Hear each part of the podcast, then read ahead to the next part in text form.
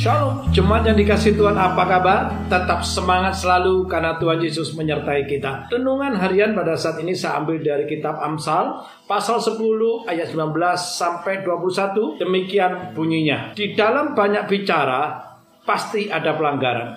Tetapi siapa yang menahan bibirnya berakal budi. Lidah orang benar seperti perak pilihan, tetapi pikiran orang fasik sedikit nilainya. Bibir orang benar mengembalakan banyak orang, tetapi orang bodoh mati karena kurang akal budi. Cemanya dikasih Tuhan, ayat ini jelas sekali berkata bibir orang benar mengembalakan banyak orang. Bagaimana dengan bibir kita Bagaimana dengan perkataan kita? Apakah perkataan-perkataan kita selama ini juga mengembalakan banyak orang? Saya percaya kalau bibir kita ini mengeluarkan perkataan-perkataan yang menggembalakan banyak orang, berarti keluarlah perkataan yang membangun, menguatkan, bukan menjatuhkan, bukan meruntuhkan, bukan melemahkan, tapi perkataan yang keluar dari bibir kita, perkataan yang mendatangkan kasih karunia, yang memberkati banyak orang. Bibir orang benar mengembalakan banyak orang.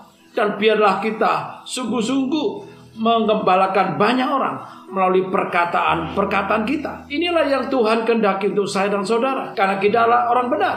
Karena kita sudah dibenarkan oleh darah Yesus. Maka mari kita sungguh menjaga mulut kita dengan sangat baik. Kita menjaga perkataan-perkataan kita untuk tidak menjadi batu sandungan. Tidak keluar perkataan sia-sia perkataan kotor perkataan yang justru membuat nama Tuhan dipermalukan. Bahkan kita bisa menjadi batu sandungan melalui perkataan kita. Yang Tuhan kehendaki untuk saya dan saudara adalah perkataan yang mendatangkan kasih karunia perkataan yang membangun yang menguatkan bahkan membawa banyak orang kepada Tuhan Yesus inilah bibir orang benar yang mengembalakan banyak orang. Ayo kita sungguh-sungguh melakukan bagian kita. Tuhan memberkati. Amin.